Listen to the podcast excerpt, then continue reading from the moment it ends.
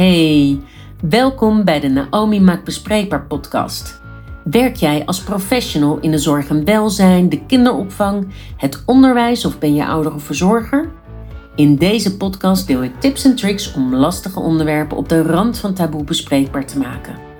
Zodat alle kinderen veilig en gezond kunnen opgroeien in een wereld waarin ze zich geliefd en gesteund voelen en ze alle kansen krijgen zich te ontwikkelen. Ik hoop dat deze aflevering je superveel inspiratie oplevert.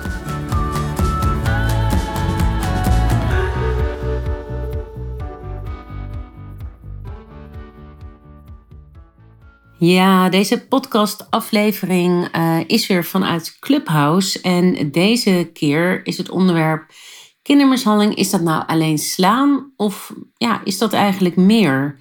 En nou, we zijn nu op dit moment in een room in Clubhouse met meerdere luisteraars. En uh, ja, we gaan over dit onderwerp in gesprek. Esther Mulder is mijn mede-moderator en uh, mijn uh, sidekick als het gaat om deze rooms en podcast. En ik ben net zo goed haar sidekick. En ja, ik heb er heel veel zin in om met ook de aanwezigen in gesprek te gaan. En ook om ja, wat meer over dit onderwerp met elkaar te bespreken. Zeker. Ja, goedenavond ook allemaal namens mij. Ehm, ja, vanavond gaan we het over een heel belangrijk onderwerp uh, hebben. Uh, in de aanloop naar de Week van de Kindermishandeling. En uh, het onderwerp van vanavond is: ja, kindermishandeling. Is dat nou alleen slaan of is dat meer? En ik denk dat de meeste van jullie daar wel op zullen antwoorden: van ja, Natuurlijk is dat meer. Natuurlijk is dat niet alleen slaan. Maar welke vormen van mishandeling zijn er nu eigenlijk? En dat is een vraag die ik uh, nou, heel graag aan Naomi wil stellen, want die kan dat als expert natuurlijk als het beste uitleggen. Naomi, kun jij ons vertellen welke vormen van mishandeling nu allemaal zijn? Uiteraard uh, kan ik dat. Laat ik dan ook gewoon maar beginnen bij lichamelijke mishandeling. Want slaan is natuurlijk in principe ja, behoort dat bij lichamelijke mishandeling. Maar wat verstaan we dan nog meer eigenlijk onder lichamelijke mishandeling? Nou, lichamelijke mishandeling is eigenlijk dat ouders of verzorgers het kind verwonden of toestaan dat het kind verwond wordt. Dus door een ander iemand. En dan hebben we het over, en dat is echt geen leuk lijstje. Dit zijn sowieso allemaal geen leuke lijstjes. Dus dan hebben we het over slaan, stompen, schoppen, opzettelijk laten vallen, verbranden, vergiftigen, verstikken. Uh, meisjesbesnijdenis valt ook onder lichamelijke mishandeling, dus vrouwelijke genitale verminking wordt dat ook wel genoemd. Shaken baby syndrome valt eronder, dus dat is het schudden van de helbabies. Of althans, dat zijn bijna altijd de helbabies die dan geschud worden met als ja, wat gebeurt er dan? Nou, de hersenen worden echt letterlijk door elkaar geschud, uh, waardoor kinderen ook echt nou, een ernstige beperking zouden kunnen krijgen. Uh, ja, gekneusde ribben krijgen, omdat ze aan hun ribben vaak, hè, een ribbenkast worden vastgegrepen. En, uh, en soms overlijden kinderen daar overigens ook aan.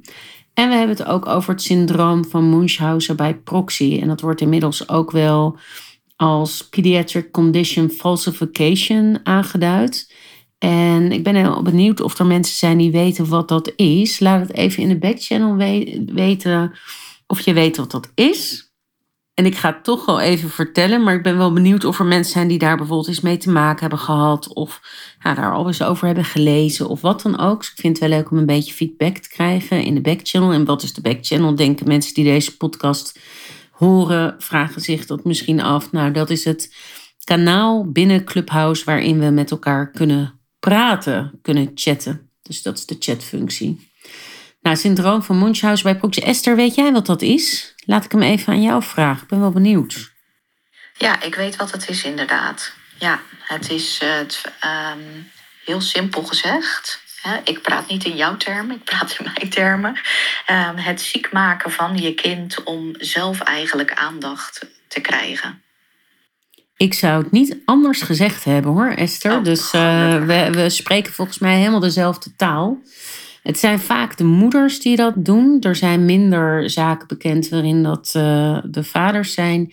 En als het gebeurt, dan is het vaak heel heftig en groot. Dus Wil je er meer over weten? Sowieso de tweede podcast. En ook, ik geloof ergens in de dertig heb ik twee podcasts opgenomen met Nina Blom. En zij heeft um, een moeder ja, geleefd met een moeder die Munchausen bij proxy had. En ja, dat ging zo ver dat ze bijna uh, geëuthaniseerd was. En echt gered is door één arts die haar nou echt, ja, echt redde en, en door had van hé, hey, het klopt niet wat hier gebeurt.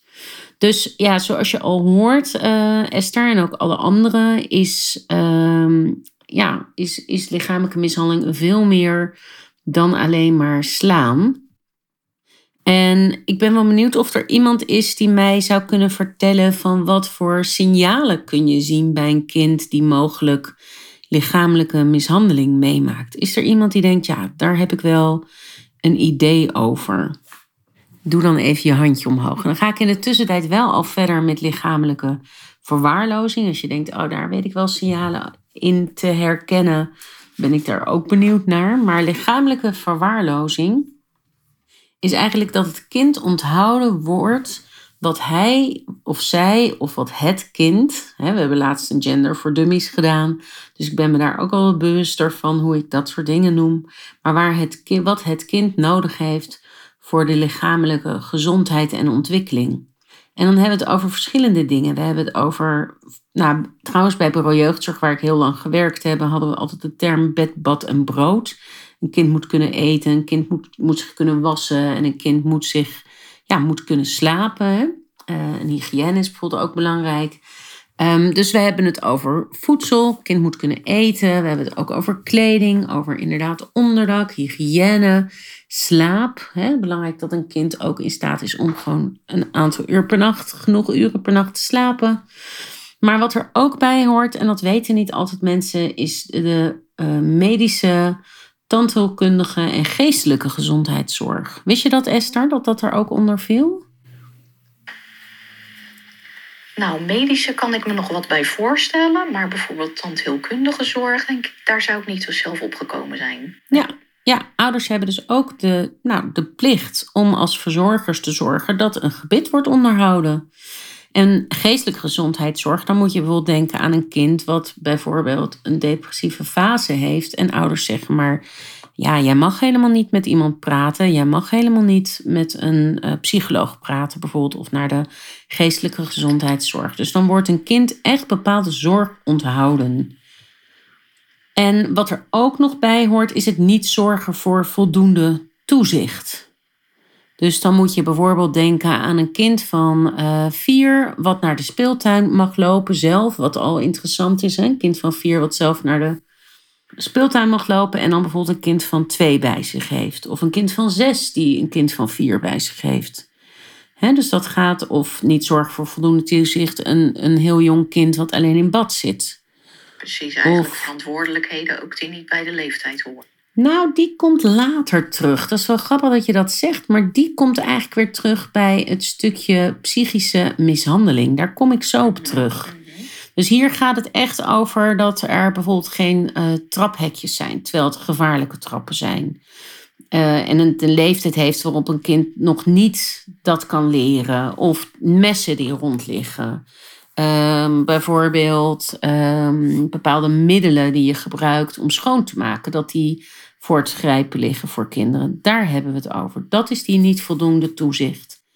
En ja, het is wel grappig, want bij dit niet voldoende toezicht denken mensen heel vaak, ja, maar dat kan toch gebeuren? Er kan heel veel gebeuren. En als we kijken naar de spoedeisende hulp, dan zijn de meeste kinderen die daar komen, komen daar omdat er op de een of andere manier niet voldoende toezicht was. En ook dat kan inderdaad hè, een, een ongelukje zit in een klein hoekje, zeggen ze altijd. En dat klopt ook. Hè? Voor je het weet loop je weg bij je anderhalfjarige die in bad zit. En loop je weg omdat de telefoon gaat en vertelt iemand iets en ben je zo afgeleid dat je gewoon vergeet dat je kind in bad zit. Maar als je kind dan op dat moment verdrinkt en je komt op de SCH terecht, dan hebben we het nog steeds wel over kindermishandeling. Ondanks dat het absoluut niet je intentie is geweest. Het is niet zo dat dan trouwens de politie met gierende banden aankomt rijden. Dus daar is wel begrip voor, maar het is toch kindermishandeling. Ja, dat is wel eentje die we vaak even tot ons door moeten laten dringen. Zal ik doorgaan naar psychische mishandeling, uh, Esther? Ja, ben ik benieuwd naar. Oké. Nou, psychische mishandeling, dan moet je echt denken aan dat, de, dat de, het kind op de een of andere manier niet voldoet aan de verwachtingen van de opvoeder. Dus de opvoeder ontneemt bijvoorbeeld actief en continu het kind een gevoel van veiligheid, zelfvertrouwen, zelfwaardering. Ehm, ja, het kind leert ook niet om die gevoelens te ontwikkelen. Dus dat ziet er echt uit als dat een kind gepest wordt in huis door de verzorger of verzorgers. Dat het getreiterd wordt, dat het bang gemaakt wordt, dat er gedreigd wordt. En wat er ook bij hoort, zijn nog twee dingen die ik ook belangrijk vind even extra ook toe te lichten. Dat is één, het achterstellen bij, bij andere kinderen uit het gezin. Dus was je maar net zo leuk geweest als je broertje bijvoorbeeld, moet je dan aan denken. Um, en ook onrealistische eisen horen daarbij. En dan ben ik benieuwd, uh, Esther. Ja, ik neem jou maar eventjes steeds gewoon als. Um, nee, ik vraag het gewoon aan jou, Esther. Heb jij een idee wat wat zou ik bedoelen met onrealistische eisen? Heb je een idee? Ja, misschien past dat bij het, wat ik net noemde. Yes. Dat ik dingen van een kind verwacht waar het nog niet aan toe is. En dat, ehm, ja, ik kan me voorstellen dat dat voor een kind natuurlijk ook echt heel erg, uh, heel erg pijnlijk is. Dat heeft het idee dat het faalt. Dat het, uh, ja. ja onrealistische eisen. Wat moet je je daar inderdaad bij voorstellen? Eigenlijk allerlei eisen die kinderen krijgen die niet passend zijn bij de leeftijd of bij de ontwikkeling van een kind. En ook dat zijn dingen die soms gebeuren zonder dat we dat willen. Dat, dat, dat is niet intentioneel overigens. In meer dan, nou ik geloof meer dan 95 procent. Altijd puntje bij paaltje vergeet ik altijd het precieze absolute cijfer. Maar ja, echt ruim in de 90 procent. Ik geloof echt 5, 6, 97 procent. Uh, is er sprake van kindermishandeling en is dat niet intentioneel. Dus denk niet verzorgers als ze s ochtends opstaan, gna, gna, gna. Ik ga mijn kind eens lekker zonder ontbijt naar school laten gaan. Of haha, wat is het toch fijn. Ik ga vandaag lekker mijn vrouw uh, mishandelen en alle uh, hoeken van de kamer laten zien. Nee. He, vaak zijn er allerlei omstandigheden die ertoe bijdragen dat een situatie ontstaat. En soms ook steeds verder ja, eigenlijk uit de hand loopt. Dus escaleert. En onrealistische eisen, dan moet je bijvoorbeeld, ik ga een aantal voorbeelden geven, kinderen die zorg hebben voor zieke ouders. En dan heb ik het niet over een keer een weekje, omdat een, een, een, een verzorger een week echt uitgeschakeld is. Dat kan natuurlijk gebeuren. Zeker op bepaalde leeftijd is het helemaal niet erg als je dan af en toe als kind iets meer moet doen. Maar dat het een continue situatie is, of dat kinderen bijvoorbeeld omdat een moeder of vader depressief is, een kind heel veel zorgen op zich krijgt, bijvoorbeeld zorg heeft voor andere broertjes en zusjes. Uh, kinderen die op achtjarige leeftijd een maaltijd staan te koken kinderen die ehm, bijvoorbeeld um, verslaafde ouders hebben. Uh, maar een onrealistische eis is bijvoorbeeld ook kinderen die naar speciaal onderwijs zouden moeten, maar ja, koet koet op normaal onderwijs moeten blijven.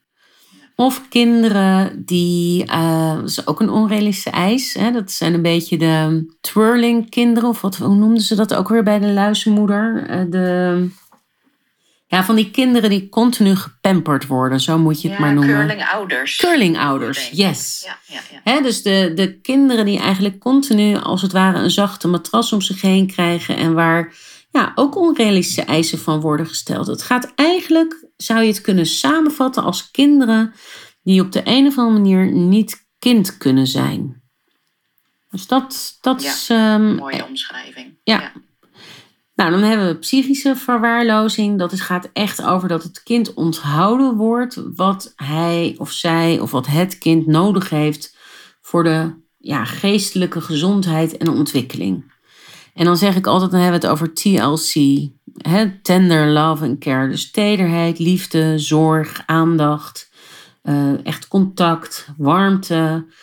En uh, wat hier ook bij hoort is schoolverzuim. Dus dat is ook voor je geestelijke gezondheid heel belangrijk. Dat je naar school gaat, zeker in een land als Nederland, waarin we dat nou, voorhanden hebben voor alle kinderen die hier opgroeien.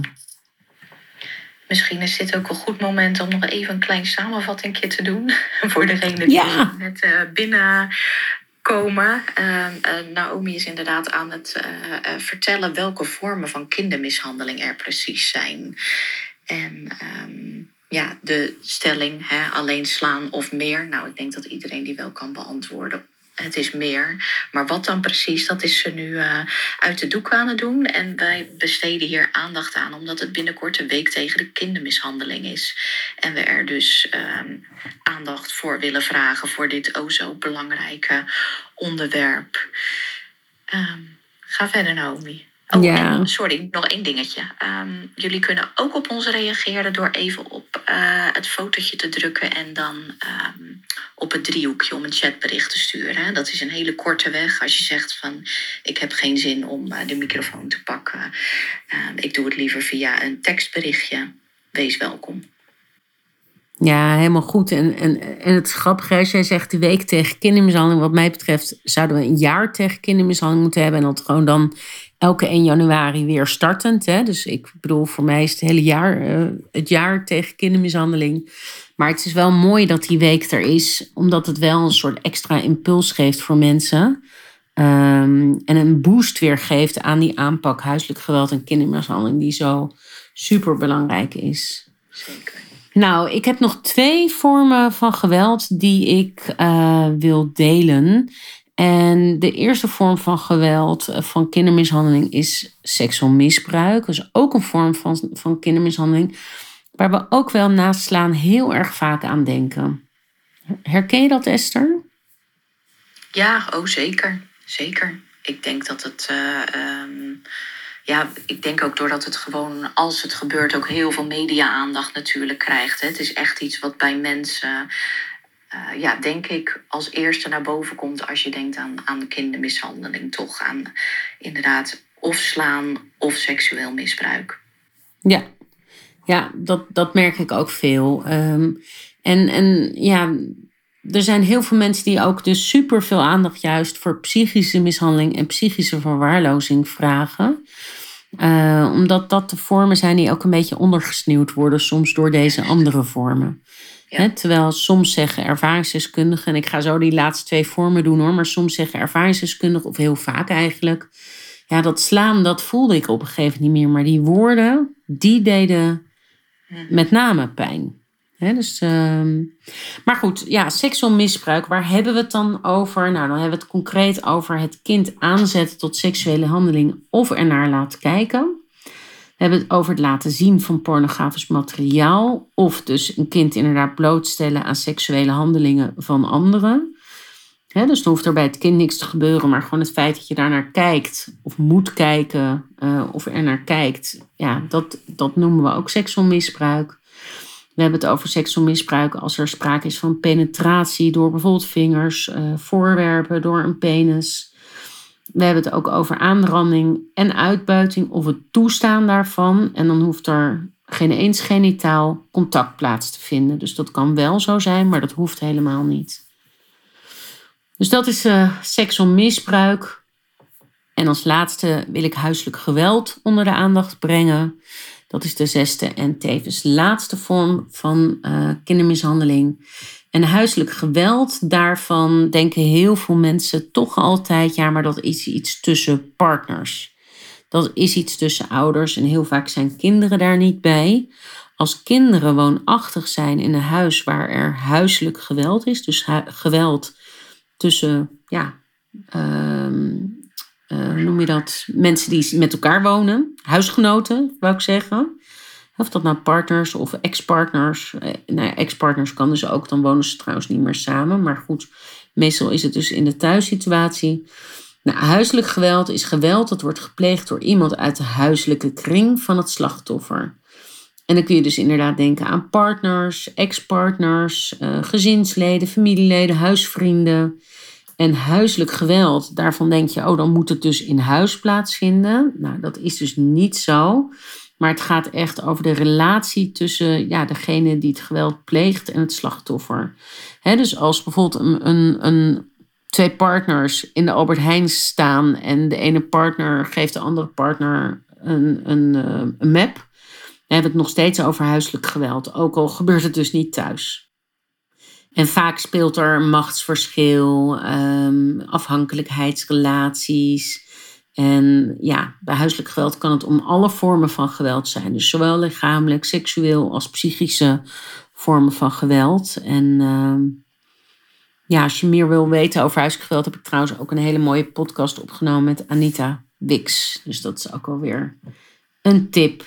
Die trouwens nu ook een spel heeft uitgebracht. Achter de voordeur. Ja. Achter de voordeur. Ja. Ja, ja klopt. Al heel veel uh, mooie reacties op gelezen. Ja, ja samen met Maaike Brunenkreef heeft ze dat gedaan. Ja. Hey, en dat huiselijk geweld, misschien goed om daar iets, nog iets meer over te vertellen. Want ja, bij huiselijk geweld, nou, dat zei ik net al, hè, denken mensen vaak, ja, maar daar zijn de kinderen niet bij. Of dat gebeurt soms ook buiten het zicht. Als kinderen woonachtig zijn in een huis waar huiselijk geweld speelt, dan worden zij gezien als getuigen, zelfs als ze op dat moment er niet bij aanwezig zijn geweest. Zelfs als ze op dat moment bijvoorbeeld daarna pas bij uh, thuiskomen na het spelen bij een vriendje of vriendinnetje. Dus dat is wel goed om je dat te realiseren. En waarom is dat? Nou, omdat we weten dat huizen waar huiselijk geweld speelt, dat dat vaak een enorme spanning met zich meebrengt. En dat die spanning effect heeft op de kinderen. Net als dat we weten dat als kinderen in een bed liggen en er speelt beneden een heftige ruzie af, ja, dat dat ook effect heeft op het slapen. Uh, kinderen soms toch wakker zijn, noem maar op, en er veel meer van meekrijgen. Ja, dus dat. En vaak is het voor kinderen nog erger om er trouwens te horen en hun fantasie het, het werk te laten doen, dan dat je er echt daadwerkelijk bij bent en ziet wat er gebeurt. Dat is vaak nog beangstigender om het eigenlijk niet te zien en niet uh, erbij te zijn. Nou ja, ik kan over al die vormen, uh, Esther, dat is een beetje mijn, uh, ja, mijn expertise, maar ook een beetje mijn probleem. Over al die vormen kan ik gewoon nog drie uur praten. Um, dus misschien wel goed om toch te kijken of er mensen zijn uit het uh, publiek die luisteren. En Esther, misschien heb jij ook nog wel een vraag, een aanvullende vraag. Maar misschien zijn er ook mensen uit het publiek die nou, of iets willen zeggen, of nog iets willen vragen, of een voorbeeld hebben van ze denken, nou, hoe kijk je daar dan naar? Um, nou, mocht dat zo zijn, uh, doe je handje omhoog of ja, stel de vraag, zoals we net al zeiden, in de backchannel. Um, je bent uh, welkom. Ja, misschien in de tussentijd. Um, ik kan me ook zo voorstellen dat jullie misschien een beetje mee zitten schrijven of dingen in je hoofd uh, opslaan nu. Ik heb ook een aantal websites die ik uh, nog wel graag met jullie wil delen, waarin uh, kijk hier bovenaan natuurlijk, Dessauer trainingen, Naomi haar website, um, zoveel jaar ervaring, heel deskundig, heel veel gratis e-books ook die je kunt downloaden, podcasts die je kan luisteren. Dat om te beginnen. Maar daarnaast um, kwam ik ook de website tegen uh, kindermishandeling.hetklokhuis.nl. Gericht op kinderen, maar net zo goed. Um, ja, goed leesbaar, begrijpelijk voor volwassenen. Um, denk aan de website van veiligthuis.nl. In de week tegen de kindermishandeling uh, wordt daar ook uh, de nationale campagne gelanceerd. Uh, nu is er al een teaser te zien van het campagnefilmpje. Um, de website augeo.nl, A-U-G-E-O.nl. Daar vind je ook heel veel informatie over uh, kindermishandeling, huiselijk geweld, et cetera. Dus dat zijn allemaal uh, ja, dingen waar je je misschien eens in kunt verdiepen. En voor degene die graag Facebooken, er is een Facebookgroep voor aandachtsfunctionarissen huiselijk geweld en kindermishandeling. En daarin uh, ja, staat ook tot aan de week tegen de kindermishandeling iedere dag een onderwerp centraal die daarmee te maken heeft. Dus ik denk, ja, laat je zoveel mogelijk voeden en inspireren en um, vergaar zoveel mogelijk kennis op dit gebied om dit vervolgens ook weer uit te zetten. Uh, richting anderen of te gebruiken in je werk. Um, er is zoveel mogelijk. Dus um, nou, doe daar wat, wat mee. En ik zie dat er nog geen hand omhoog zijn gegaan in de tussentijd. En ik heb geen chatberichten binnengekregen. Jij iets gekregen, Naomi? Ik zal nog even te checken. Nee, ik heb ook niks uh, gekregen in de tussentijd. Maar dat is niet erg, want misschien is het gewoon uh, hartstikke duidelijk op dit moment. En uh, dat is natuurlijk ook helemaal goed. En ik ben wel benieuwd uh, of er ook professionals bijvoorbeeld in deze room zijn die zeggen. Ja, ik heb ook wel eens discussie gehad over of iets nou mishandeling was of niet. Want mijn ervaring is, en ik ben benieuwd Esther hoe dat voor jou is, maar mijn ervaring is dat heel veel ja, professionals continu het idee hebben dat zij moeten wegen van ja, moet ik er nou wat mee? Is dit nou mishandeling? Is dit nou oké? Of is dit niet oké? Of dat ze denken, ja, dit is toch grijs gebied. Ja, het is nog zo erg niet. Dan moet ik het maar eens eh, bij gaan houden wat er gebeurt bijvoorbeeld. Eh, herken je dat? Want jij werkt in de kinderopvang. Kun je daar een soort voorbeeld van noemen misschien? Um, zo on the spot, sorry nou, hoor, als ik je zo een beetje Nee hoor, nee, nee, nee. Ik denk, ik herken dat juist. Want uh, juist dat wegwuiven zo van, nou ja, hè, uh, misschien uh, nu omdat ze in de file gestaan heeft, zo, zo kort af. Of nou ja, hè, ook druk, zo alleen of, of wat dan ook. Maar wat jij ook altijd zegt, juist die stap nul van de meldcode. Je realiseren dat jij ja, een bepaalde verantwoordelijkheid hebt uh, in het, uh, het signaleren en het bespreekbaar maken van dingen. Hè? Dat, je, dat jouw, um, nou, bijvoorbeeld jouw beroep of jouw, jouw aanwezigheid ergens, dat eigenlijk uh, van jou vraagt. Um, ja, de kunst is denk ik om gewoon heel nieuwsgierig te zijn. En dat is merk ik wel vaak moeilijk.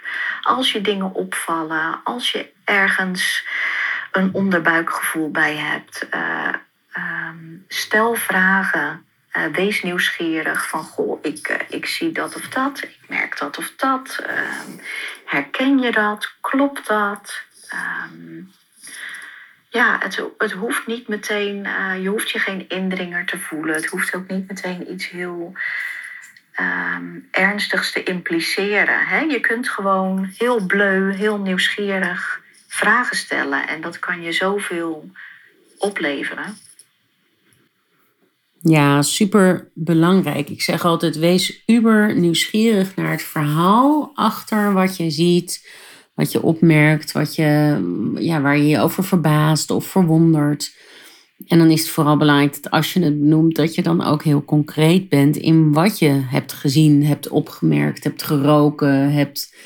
Um, Nou, je bent opgevallen, hè, dat je iets is opgevallen, hè, dat je het heel concreet maakt. Dus niet, goh, uh, uh, Pieter is de laatste tijd uh, super agressief op de groep. Maar ja, wat zie je precies gebeuren bij Pieter waarvan je denkt, hé, hey, daar maak ik me zorgen over. En en wat ik ook nog wel heel belangrijk vind om te noemen, is hè, voor iedereen in deze room, maar ook iedereen die naar de podcast luistert, is ja, jullie hoeven nooit te bepalen of er echt sprake is van kindermishandeling of niet.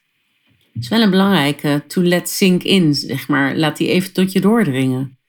Jullie hoeven niet bewijs te leveren dat er sprake is van kindermishandeling. Je hoeft niet het verhaal rond te krijgen. Je bent geen Sherlock Holmes die een bewijslast bij elkaar hoeft te verzamelen. Het enige wat jullie hoeven te doen, en dat kun je doen als professional, maar ik spreek je ook even aan als buurman, buurvrouw, uh, buurmens, uh, als uh, passant in de supermarkt. ik spreek je aan als persoon op het sportveld. Ik spreek je aan als, ja, als mens eigenlijk. je hoeft het nooit te bewijzen. Het enige wat je hoeft te doen is je ja, in wezen je onderbuikgevoel serieus te nemen. Uh, te, te erkennen van hé, hey, ik maak me zorgen of ik heb iets waar ik me over verbaas. En dat je daar iets mee doet. En dat kan inderdaad zijn, iets doen kan zijn dat je in gesprek gaat met diegene, maar iets doen kan ook zijn dat je een advies vraagt bij Veilig Thuis. dat is 0800 2000 en je kan ook op veiligthuis.nl uh, kijken. En, uh, maar iets doen is ook dat je met iemand anders overlegt. Dat je als professional met een collega overlegt. Inderdaad, bij voorkeur een aandachtsfunctionaris, huiselijk geweld en kindermishandeling. Maar eigenlijk dat je dat serieus, hè, dat gevoel serieus neemt en dat je er iets mee doet. En niet het wegstopt met het idee van, nou, het zal wel niet. Ik zal het wel verkeerd hebben gehoord. Oh, ik mag me nergens mee bemoeien. Wie ben ik om er iets van te vinden? Of uh, uit bepaalde angsten, bepaalde weerstanden het toch niet te doen. Jij hebt het recht om je zorgen te maken. Ja, mooi gezegd. Mooi gezegd. Ik kan me inderdaad ook nog wel um, een casus herinneren dat um, ja, er meerdere uh, dingen opvielen bij uh, hoe een ouder zich ten opzichte van het kind uh, gedroeg.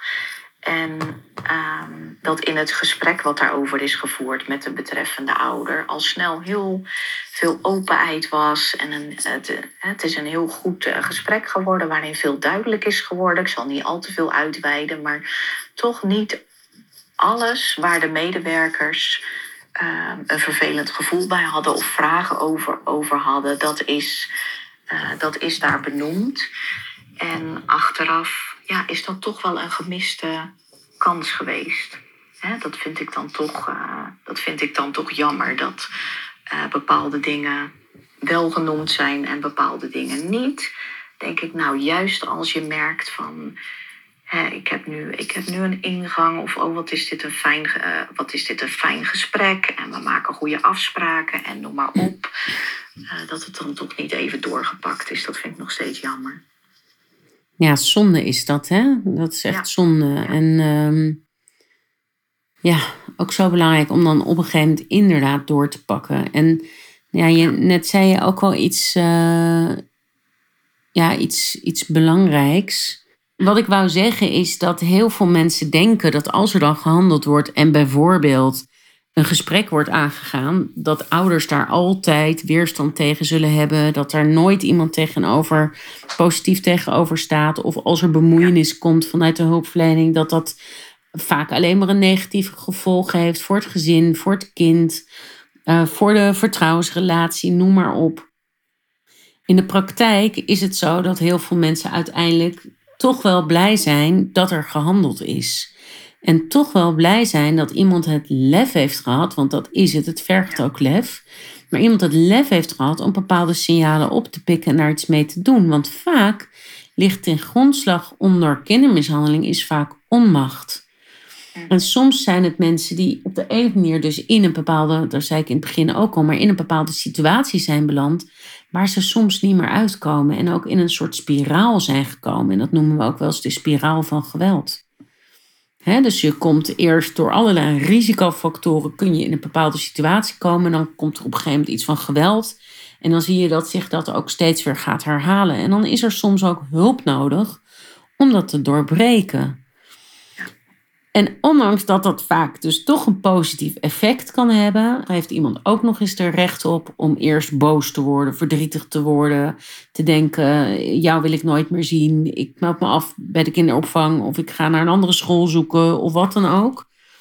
Dus de eerste reactie kan vaak wel weerstand zijn, maar dat zegt alles over diegene en over de situatie en eigenlijk niet zoveel over jou. Waarschijnlijk zegt het vooral dat, je, dat het heel goed is dat je dit hebt gedaan. Ja, dus dat, ik had best een belangrijk punt, Esther. Dat wilde ik dus zeggen. Zeker, zeker. nou ja, dat, dat absoluut. Het, kan, het hoeft maar iets heel kleins te zijn waarmee je iets heel groots voor iemand kan betekenen. En dat hoeft inderdaad niet op dat moment duidelijk te worden of geuit te worden. Maar dat kan ook later. iemand kan erop terugkomen of iemand kan zeggen van nou, doordat jij dat tegen me hebt gezegd, ben ik er nog eens over na gaan denken. En ja, ja, of, of krijg je misschien drie jaar later een keer een reactie erop, hè? Van ja. toen. Hè, dus dat hoeft ook niet meteen te zijn. Kijk, het doorbreken van een situatie die niet veilig is, dat is soms wel een bekende situatie. Dan is het doorbreken wel weer heel spannend. Snap je wat ik bedoel? Ik zeg het misschien een beetje vaag. Um, ja, Stel dat twee partners, dat er huiselijk geweld tussen speelt. En dat moet doorbroken worden. Dus zij komen in de hulpverlening terecht. Kijk, je weet wat je hebt, maar je weet niet wat je krijgt. Dus het doorbreken van, ook al is het voor de buitenwereld een onveilige situatie, die onveilige situatie is vaak voor mensen wel bekend, ook voor kinderen die Mhm. kindermishandeling meemaken, ja, die weten wel gewoon vaak van oké, dit is hoe het thuis gebeurt. Als dat doorbroken gaat worden en er misschien, hè, het kan zelfs met een uithuisplaatsing zijn of wat dan ook, wat trouwens veel minder vaak gebeurt dan dat mensen dat denken, ja, dan ga je eerst een soort onveilige, instabiele situatie terecht, waarvan je niet zo eh, hè, tegemoet, waarvan je niet goed weet wat er gaat gebeuren. Dus dat is heel spannend en, en ook weer onveilig. Ja, ja, soms moet het eerst eh, eh, spannend of misschien wat slechter worden voordat het heel veel beter kan worden. Ja, snap ik. Ja. Ja. Ja, dus nou, ik denk eigenlijk, Esther, dat wij wel antwoord hebben gegeven op de vraag van, van deze podcast, Dat van ook. deze room. Denk ik ook. Dat het wel helder is dat kindermishandeling meer is dan alleen slaan. Dat het veel meer is dan dat. En ik denk dat de belangrijkste take-home message van vandaag is van ja, bedenk goed ehm, dat jij het recht hebt om ergens iets van te vinden en je zorgen te maken. Doe daar vervolgens ook iets mee. En dat het ook niet alleen een negatief gevolg, maar ook een positief gevolg kan hebben. Ja. Wat neem jij nog mee, eh, Esther, als belangrijkste uit deze room? Ehm, nou, ik, ik kom toch weer terug op iets wat we vaker zeggen. hè, Dat je eigenlijk altijd een verschil kunt maken voor een ander. Door iets te zeggen, iets te doen, iets meer aandacht te geven of iets eh, eh, te benoemen. Ja, ik denk dat we nu door het uiteenzetten van deze verschillende vormen, ja, dat mensen toch nog meer bedacht zijn op hè, hoe belangrijk is het om inderdaad een, een open vraag te stellen. Of hoe belangrijk is het om inderdaad die, die aai over de bol te doen, waardoor een kind zich bij jou veilig vertrouwd voelt. Of, of wat dan ook. Het is namelijk niet altijd zichtbaar dat er sprake is van kindermishandeling. Ehm, ja, dat. Ja. Kistje vullen. Ja, het schatkistje vullen. Nee, ja, superbelangrijk. En het schatkistje vullen, daarmee bedoelen we eigenlijk dat iedereen inderdaad die draagkracht kan toevoegen aan het leven van een kind als een soort antigif. Ja, ik probeerde net even een nieuwe eh, pin erin te zetten. En dat was de pin naar de Naomi Maak Bespreekbaar podcast. Maar eh, het pinnen van een link, dat is mij nog niet. eh, dat, dat gaat bij mij nog niet zonder slag of stoot, zal ik maar zeggen. Maar het doet er niet toe. Je kunt in elke podcast-app kun jij eh, deze podcast terugvinden. De Naomi Maakt Bespreekbaar podcast. En luister je nu naar deze podcast, dan denk je natuurlijk, ja, duh, daar luister ik deze podcast nu ook. Maar goed, ik zeg het even tegen de mensen die naar deze room luisteren op dit moment op Clubhouse. Ik denk, Esther, dat het eh, mooi is om hem gewoon af te ronden. Want volgens mij is het gewoon kort en krachtig en helder voor nu. Ja, dan is het denk ik leuk om even onze volgende room te benoemen. Onze volgende rooms met een S erachter te benoemen. Ja, waar we ook weer podcast van maken. Dus dat is ook wel leuk voor de podcast om nog te horen. Nou, dank je wel iedereen voor de aanwezigheid ehm, bij deze room. Ik hoop dat we veel mensen toch alweer hebben mogen inspireren.